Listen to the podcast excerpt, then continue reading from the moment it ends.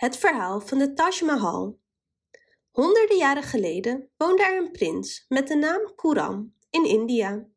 Op een dag liep de 14-jarige prins door de lokale bazaar en ving een glimp op van een meisje met een prachtige zijden jurk en glinsterende kralen.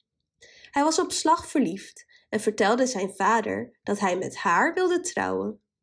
Zijn vader stemde toe en vijf lange jaren later trouwde prins Khurram met Arjumand Banu Begum. Ze leefden een gelukzalig leven en waren smor verliefd. Samen kregen ze vele kinderen. Vijftien jaar na hun bruiloft volgde prins Khurram zijn vader op als keizer van het rijk en vanaf dat moment stond hij bekend als Shah Jahan. Zijn vrouw werd ook ingewijd en hij gaf haar de naam Mumtaz Mahal, de juweel van het paleis. Shah Jahan en Mumtaz Mahal waren onafscheidelijk. Zelfs als er oorlog was, dan gingen ze er samen naartoe.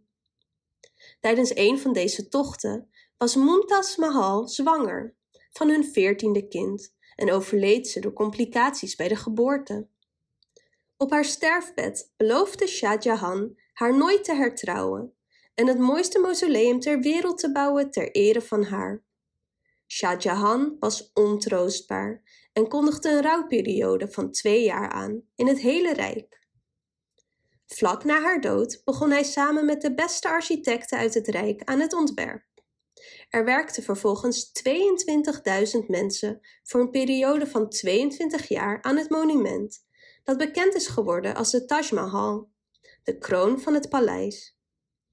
Shah Jahan bracht de laatste acht jaar van zijn leven door als gevangene in een kamer, met uitzicht op de Taj Mahal, denkend aan zijn geliefde Mumtaz Mahal.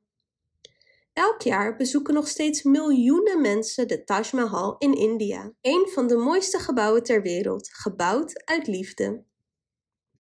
Bedankt voor het luisteren. Wist je dat je dit verhaal ook op onze website ririro.com/nl kunt lezen, downloaden en printen?